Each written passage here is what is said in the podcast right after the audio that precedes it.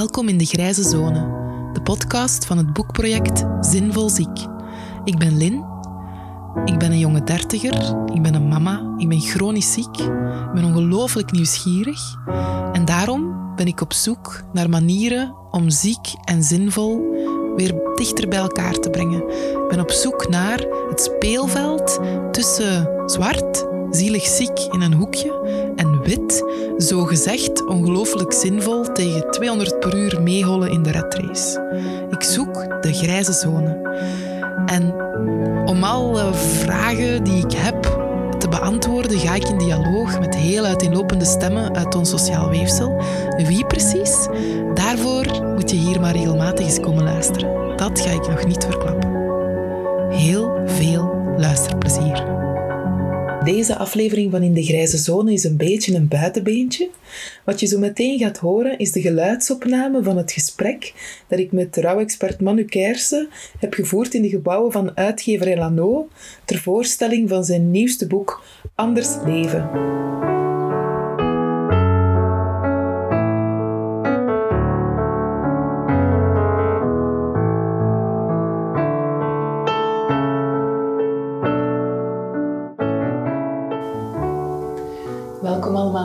Boekvoorstelling van Anders Leven, het nieuwste boek van Manu Kersen. Welkom Manu. Dank je. Um, een van de rake citaten die mij is bijgebleven na het lezen van jouw boek is um, wie zich verliest in passie is minder verloren dan wie zijn passie verliest. Ja. Kan je dat een beetje duiden, hoe je daartoe bent gekomen? Wel, uh, wat mij uh, altijd heel erg heeft geboeid is hoe je jonge mensen naar iets ziet uitkijken en ze met een passie ziet engageren. En soms zegt men, oh, ze zijn nog jong. Ze gaan wel leren. En ik, in plaats van dat te temperen, uh, kan je veel beter die passie van mensen oriënteren en richten op relevante maatschappelijke doelen, wat die vaak zijn. Die zijn gedreven voor iets en men moet proberen te vermijden van die passie uh, af te dempen. Zodanig dat, want vanuit die passie krijg je ook een kleur in de dingen die je doet, uh, een zekere gedrevenheid. Ja, heel mooi. Ja, je boek Anders Leven begint met een verhaal over anders sterven. Ja. Kan je ons meenemen in die gedachtegang? Wel, ik, toen ik aan, aan dat idee uh, bezig was van anders leven, ben ik even gaan kijken van wat kunnen wij leren uit geschiedenis. Ik vind altijd, vergeet nooit van waar je komt in het leven. En ik ben gaan aanbellen aan het kleine huisje uh, in Dutzelen, in West-Vlaanderen, waar ik, mijn grootmoeder is gestorven toen ik zeven jaar oud was. En uh, mijn grootmoeder uh, had gevraagd dat alle kleinkinderen naar de school op een maandagavond bij haar langs zouden komen. En die lag in een bed dat, midden, dat beneden in de woonkamer stond. En zij vroeg ons om te bidden dat ze nu snel zou mogen doodgaan. Want, zei ze, ik word binnenkort 70 jaar. Ik heb gedaan in mijn leven wat ik moest doen. Ik ben nu erg ziek en het moet niet te lang meer duren. En dat heeft mij als kind altijd bijgebleven. Ze vroeg te bidden dat ze snel zou mogen doodgaan. Uh, ik dacht, doodgaan, dat kan toch niet zo erg zijn? Als iemand vraagt om te bidden, snel zou mogen doodgaan. En ze is in dat huisje gestorven en begraven de dag dat ze 70 jaar werd. Uh, vandaag is dat niet eens zo oud, 70 jaar worden. Uh, maar ik dacht, ik wil nog eens die kamer zien waar mijn grootmoeder toen is gestorven. En ik ben gaan nadenken van, wat is er nu in deze samenleving veranderd in die tijd? En wat leren we uit die veranderingen? Wat kunnen we daarvan overhouden? En wat hebben we gewonnen? Wat zijn we ook verloren in onze samenleving? En toen behoorde dood en sterven nog tot het leven. Mijn grootmoeder stierf in haar huis, Minder in het dorp waar ze altijd gewoond had. Ze is gestorven aan, maagda aan maagdarmkanker. Die is niet in het ziekenhuis geweest. Die heeft dat thuis meegemaakt. Vandaag kan je natuurlijk uh, heel wat doen wat toen niet kon. Uh, ik spreek over 1953. Ja. Oké. Okay. Ja, en je stelt zelf in je boek ook dat oud worden begint in je kindertijd. Ja. Leg dat eens uit. Wel, eigenlijk, uh, de optie, uh, ik, ik schrijf ergens, uh, oud worden is niet een probleem van de geriaters, maar van de kinderartsen en van gynaecologen. Eigenlijk, dat begint eigenlijk al in de zwangerschap en op heel jonge leeftijd met de voedingsgewoonten die men aanleert. De wijze waarop men kinderen in contact brengt met... Als ik kijk naar het overheidsbeleid, men heeft vandaag... Uh, stimuleert men in de kinderbijslag bijvoorbeeld, dat kinderen naar kinderopvang gaan. Omdat kinderen in kleinere gezinnen opgroeien dan vroeger, vaak alleen of met twee, en men vindt die, uh, uh, die sociale vaardigheden van kinderen, die moeten worden ontwikkeld. De, de, de netwerken die je opbouwt, leert u verhouden in relatie met andere mensen, is eigenlijk cruciaal voor het overleven. Een goed sociaal netwerk hebben, dat is belangrijker om gezond oud te worden dan heel je leven het roken laten zelfs. Hmm. Oké. Ja, je schrijft ook niet hoe oud we zijn, maar hoe we oud zijn is wat ertoe zou moeten doen. Um, wat loopt er vandaag mis, denk je, in de beeldvorming van ouderen? als je kijkt, uh, vandaag wil niemand oud zijn. En hoe komt dat?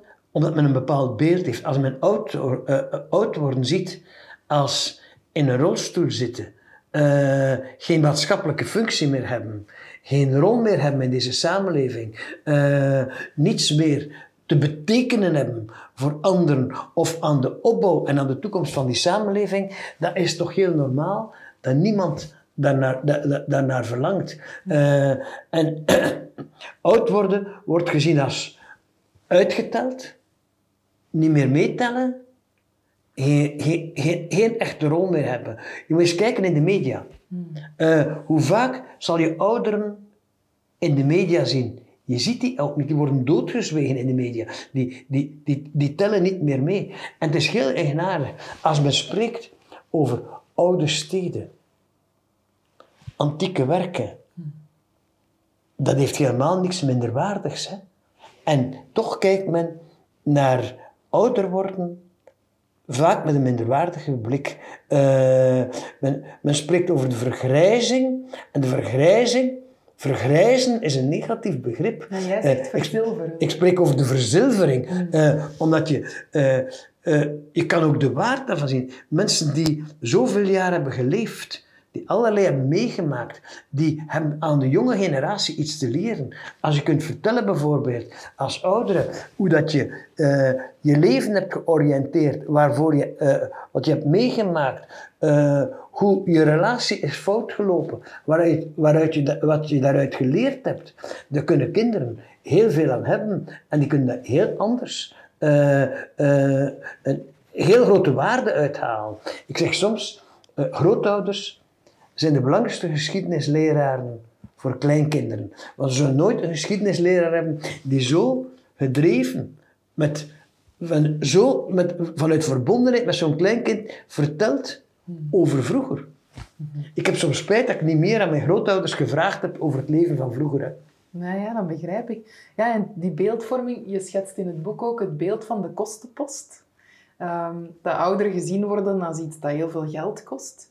En daarin, um, daar zie ik toch veel parallellen met hoe er ook bijvoorbeeld gesproken wordt over mensen met beperkingen of mensen met langdurige aandoeningen, mensen op invaliditeit. Um, hoe denk je dat we dat als maatschappij kunnen omdraaien, hoe dat positiever uh, kunnen invullen? Ik denk, uh, uh, denk, als we een maatschappij bouwen op solidariteit, en dat niet alleen woorden zijn, hmm. maar als men echt gaat nadenken over een beleid voeren, dan zou men eigenlijk in onze samenleving een beleid moeten voeren dat verschillende mensen op hun manier kunnen bijdragen aan een welzijn en aan een levensstandaard voor iedereen in die samenleving. Uh, de uh, armoede bijvoorbeeld, uitgerangeerd worden, dat zou eigenlijk in een samenleving, een welzijnsmaatschappij zoals deze waar wij in leven, zou eigenlijk moeten uh, niet, niet mogelijk mogen zijn. En men zou dat eigenlijk niet kunnen bestrijden. En men zegt, de middelen zijn daar niet voor. Wel, als men de middelen op een adequate manier zou inzetten, dan denk ik dat daar wel middelen voor zijn. Als men nu kijkt waaraan middelen. Ik ga, neem, gewoon, blijf gewoon even bij de gezondheidszorg. Als wij weten dat mensen die sterven vaak in het laatste jaar van hun leven, meer dan 70% van de gezondheidszorgkosten hebben gehad van heel hun levensloop. Om dood te gaan aan die ziekte.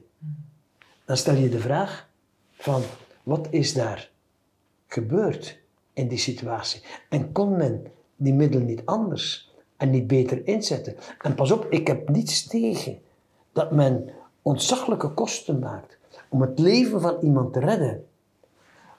Maar ik heb het over die mensen waar men het lijden verlengt en het leven niet redt, die doodgaan aan die aandoening. Ja, dat is uh, ja, materie om nog veel over na te denken. En er zijn veel middelen in onze samenleving. Maar men moet eigenlijk bewuster gaan kijken van, oriënteren wij het wel op de juiste manier?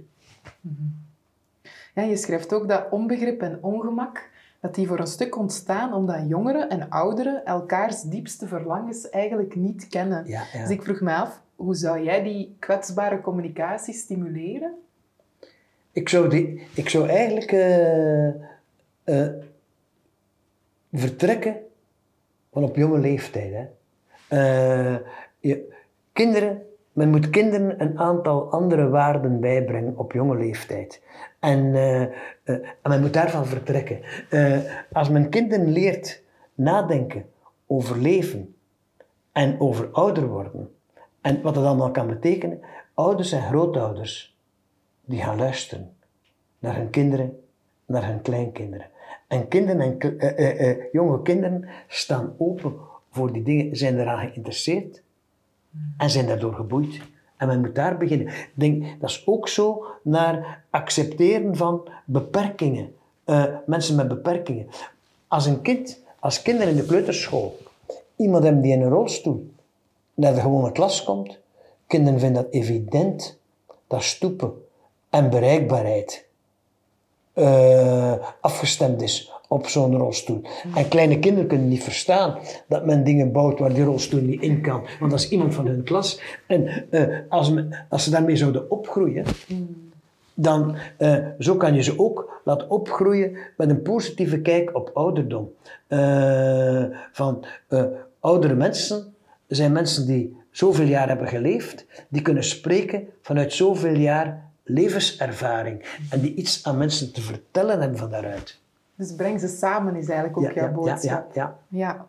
Oké, okay, en zin die mijn aandacht ook heel erg trok was, de omwereld is niet aangepast. Wat bedoel je met de omwereld? Uh, wel, met de omwereld bedoel ik eigenlijk onze hele samenleving. Uh, dat heeft te maken, dat begint met hoe mensen denken en voelen over ouder worden. En dat zet zich om in beleid, in verkeer, in gebouwen, in toegankelijkheid. Uh, want dat begint eigenlijk met, uh, hier, met, de met, de mentaliteit van mensen. Uh, de omwereld is niet aangepast. en dat de omwereld is voor mij meer dan de straten en de gebouwen. Maar dat is voor mij vooral de mentaliteit die, uh, uh, die bij mensen leeft. En die mentaliteit bepaalt hoe wij beleid voeren. Die, die, uh, die mentaliteit bepaalt hoe wij keuzes maken. Als er politieke verkiezingen zijn, waarvoor kiezen wij? wat hebben wij voor ogen? Naar welke wereld willen wij? En ik denk dat wij, als wij zouden gaan denken van, wij hebben een wereld nodig waar er uitwisseling is tussen generaties. Uh, waar generaties elkaar ontmoeten. Uh, vroeger bestond dat, hè. Als je vroeger keek, uh, drie generaties woonden over, onder hetzelfde dak. En een kind groeide op in een woonkamer waar een grootouder zag ziek worden en sterven. Kinderen werden... Ik ben, ben geen pleidooi aan het om terug te keren naar die wereld. Maar ik hou wel een pleidooi om de wijsheid die daarin zat, op een of andere manier te vertalen naar de samenleving van vandaag. Ja, dat is een mooie boodschap. Uh, je schrijft ook, want dat vond ik ook een hele straffe, je schrijft ook eenzaamheid is dodelijker dan sigarettenrook. Ja. Dus hebben we dan nood aan een andere um, vorm van preventie dan vandaag? Ja, uh, we hebben nood aan een andere vorm van preventie. Maar uh, pas op, ik zal even, eerst even stilstaan bij het woordje preventie. Als je kijkt naar het preventiebeleid, hè, dat is gemeenschapsmaterie. En dat kost, goed preventiebeleid uitbouwen, dat kost ook geld. Als men dat doet, dan spaart men hoogstwaarschijnlijk kosten op vlak van gezondheid. Maar die besparing realiseert zich op het federale niveau. Dus eh, je moet eigenlijk op het regionale niveau, eh, het gemeenschapsniveau, Vlaam, Vlaanderen, Brussel, Wallonië, moet je geld uitgeven om aan preventie te doen, maar dat bespaart je kosten op het federale niveau. En dat is een van de moeilijke problemen in onze hele staatsstructuur. De, uh, onze staatsstructuur is eigenlijk heel moeilijk gecreëerd daarvoor. Uh, als men een, bij wijze van spreken, een anti-rookcampagne, dat moet Vlaanderen betalen.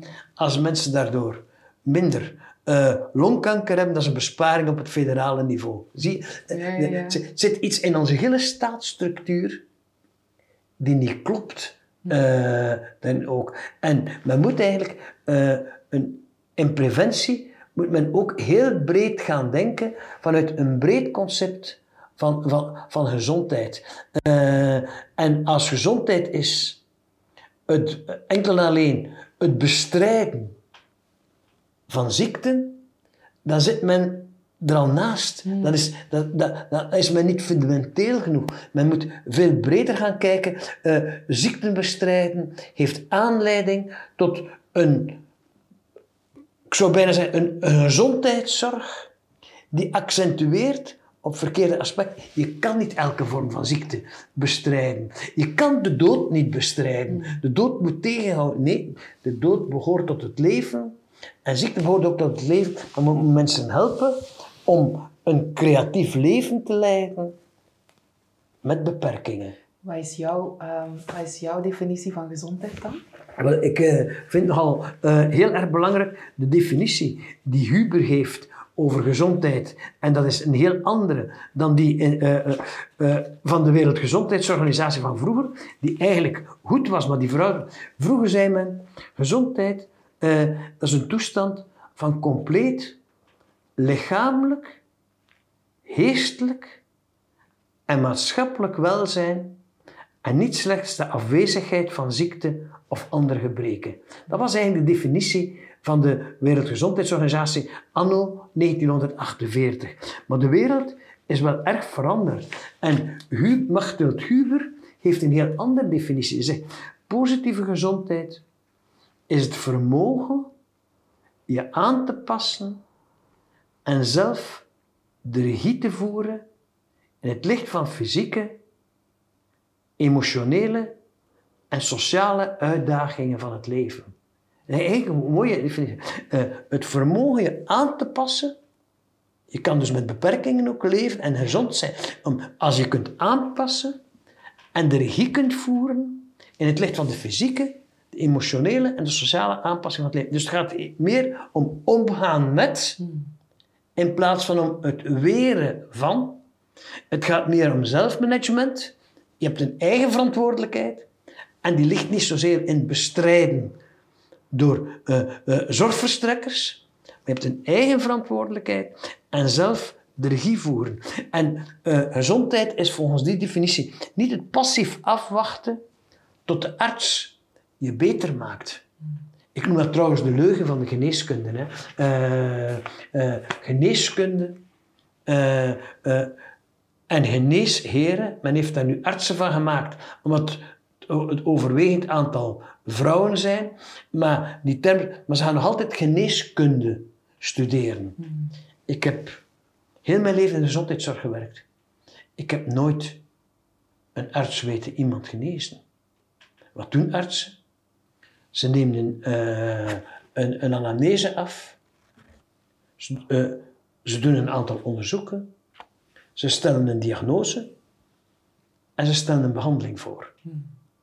En om te genezen wordt naar huis gestuurd. Zij genezen niet, zij onderzoeken en behandelen. Uh, en die term geneeskunde eh, zet de mensen eigenlijk al op het verkeerde been. Ik noem dat de leugen van de geneeskunde. Dan zouden we eigenlijk veel beter spreken over faculteit voor gezondheidszorg. Mm -hmm. Dat is iets helemaal anders dan geneeskunde. Dokters genezen niet. Uh, en uh, vanuit die definitie van de, de vroege definitie, moet je eigenlijk alles gaan bestrijden. Nee, je moet gaan kijken wat zinnig is om te doen, op welk moment, voor welke patiënt, tot welke omvang. Uh, en, maar maar dat, dat wordt heel moeilijk in een geneeskunde die is opgedeeld in organen. Hmm. Artsen weten meer over een bepaald orgaan dan over de persoon. Hmm. En elk is met dat orgaan bezig. En ik, kom eens heel typisch wat ik in mijn boek het heb over pijnbestrijding. Uh, als je pijn hebt in je rug, dan ga je naar de arts die gespecialiseerd is in die rug. Ja. Maar die pijn kan van ergens totaal anders komen in je lichaam. Mhm. En dit vraagt eigenlijk een veel integralere benadering als dusdanig. Maar door die strikte opdelingen in orgaanspecialismen uh, word je als patiënt van het ene orgaanhuis naar het andere gestuurd. En niemand had het overzicht. En, en, en, niemand heeft nog het overzicht. Ik denk aan iemand uh, die ik heel goed kende, die in universitair ziekenhuis was opgenomen. En die belde mij in paniek op. En die zei, ik heb al een hersentumor gehad. Ik heb al een baarmoederkanker gehad. Ik heb al dat gehad, ik heb al dat gehad, ik heb al dat gehad. Uh, en ik zie het echt niet meer zitten. Een jonge vrouw van 32 jaar met twee jonge kinderen. Helemaal in paniek. Ik bel die hoofdgeneesheer van het ziekenhuis op en ik zeg, kijk, ik krijg dit te horen. Moet ik die vrouw daar weghalen? Of kan jij zorgen dat er nu tenminste gemeenschappelijk overleg is? Die hoofdgeneesheer belt mij uh, twee uur later op. Ik heb dat dossier laten opzoeken. Die vrouw heeft inderdaad gelijk. Iedereen kapt zijn hypothesen over haar uit. Die wordt van de ene discipline naar de andere gestuurd. Iedereen kapt zijn hypothesen over haar uit en zij zit daarmee. Ik heb afgesproken dat diensthoofd gaat haar vanavond om vijf uur ontvangen, vertellen wat men nu weet, wat men nog verder wil onderzoeken en die zal de coördinatie op zich nemen vanaf nu voortaan. Maar als je die coördinatie niet hebt, nee, nee, nee. dan zit je vast in de gezondheidszorg. Mm En ik zie mensen ook die een kind hebben met een beperking stel ik vast dat sommige mensen uh, halftijds of volledig vrij moeten nemen op hun job om te wachten in de wachtzaal van diverse specialisten die elk met hun orgaan bezig zijn. Hmm. En als dat niet op elkaar afgestemd is, krijgen mensen een hele reeks zinnige, maar in hun ogen tegenstrijdige boodschappen mee. Hmm. Dus je moet proberen te verzoenen. Ja, en je, um, je schrijft ook in diezelfde context dat artsen eigenlijk veel te vaak in behandelstand staan en dat ze te weinig bezig zijn of ook te weinig worden opgeleid zelfs um, om om te gaan met onmacht, verdriet, teleurstelling, boosheid, met angst.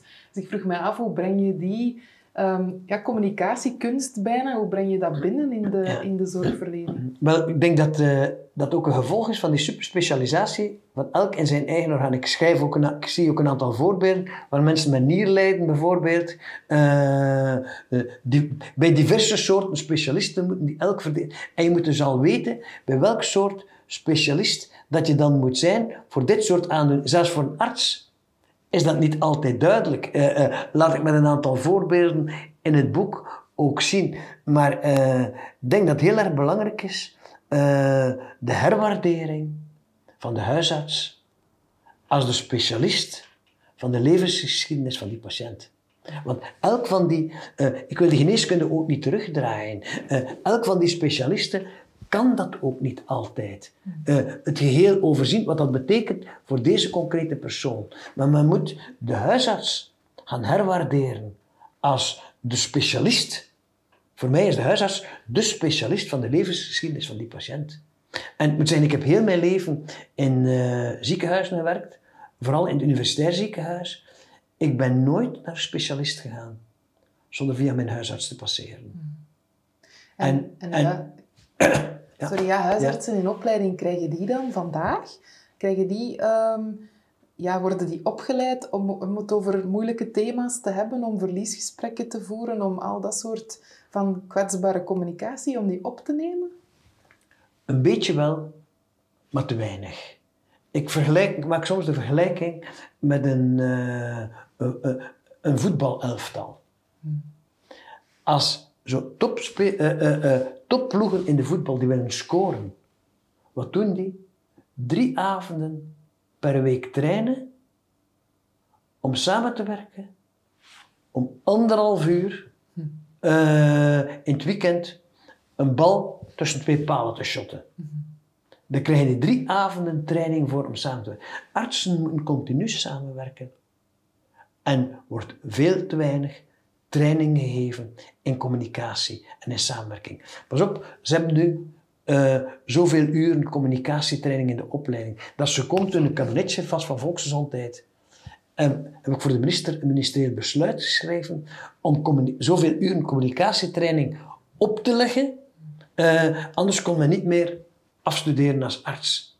Maar we moeten opleggen. En het is een arts die mij zegt, maak een besluit voor uw minister. Want zelfs als decaan heb ik dit programma niet ingekregen, communicatietraining. Men gaat ervan uit dat iedereen dat zomaar kan. Maar als iedereen dat zomaar kan, waarom trainen ze die voetbalspelers drie avonden in de week om samen te werken? En is een balshotten tussen twee palen in onze samenleving belangrijker dan levensredden in de gezondheidszorg?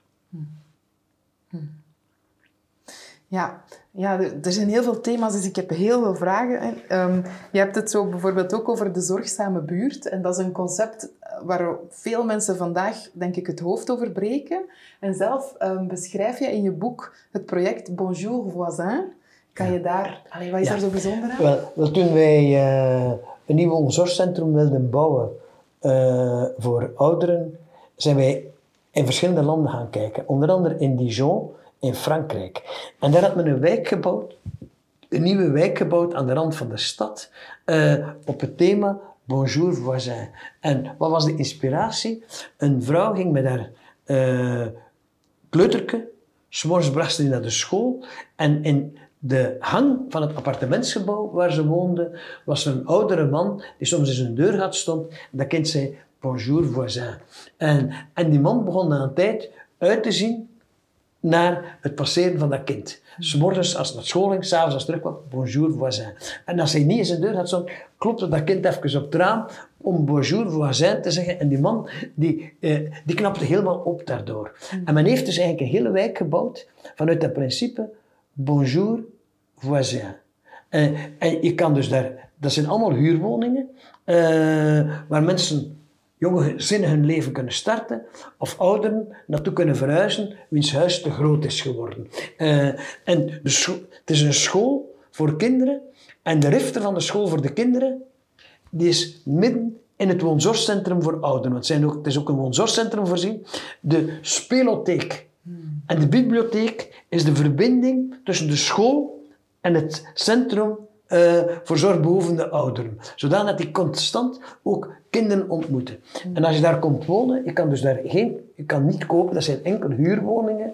Dan moet je een, uh, uh, een charter ondertekenen. En dat begint met, je zegt goeiedag aan je buren. En, en men heeft een centrale telefoonlijn waar mensen naartoe kunnen bellen als ze nood hebben. Maar het is ook gebruikelijk dat als een kind ziek is en niet naar de kinderopvang kan, een ouder, een ouder koppel vangt dat kind op. En als een oudere ziek is uh, en niet naar de winkel kan, jongere uh, mensen nemen de boodschappen mee voor een ouderkoppel. Dus alles is eigenlijk gebaseerd op die solidariteit van, van, uh, van oud naar jong, van jong naar oud. En kinderen leren ouderen ook op een andere manier kennen op die manier. Wat vroeger, ik heb gezegd, ik wil niet terug naar vroeger, maar vroeger, als drie generaties onder hetzelfde gezin woonden, dan werd je eigenlijk vertrouwd gemaakt met ouder worden, zorgbehoevend worden. En er was niet de ouderdom die kwam, maar er was je grootvader, die je zag een aantal dingen niet meer kunnen. Dat was helemaal anders uh, dan, dan vandaag. Dus, en op die manier brengt men in een wijk opnieuw die mix van generaties tot stand. Dat vind ik eigenlijk zo mooi. Ja, dat is heel mooi. Ja, je hebt zelf al aangekaart uh, het thema van de woonzorgcentra.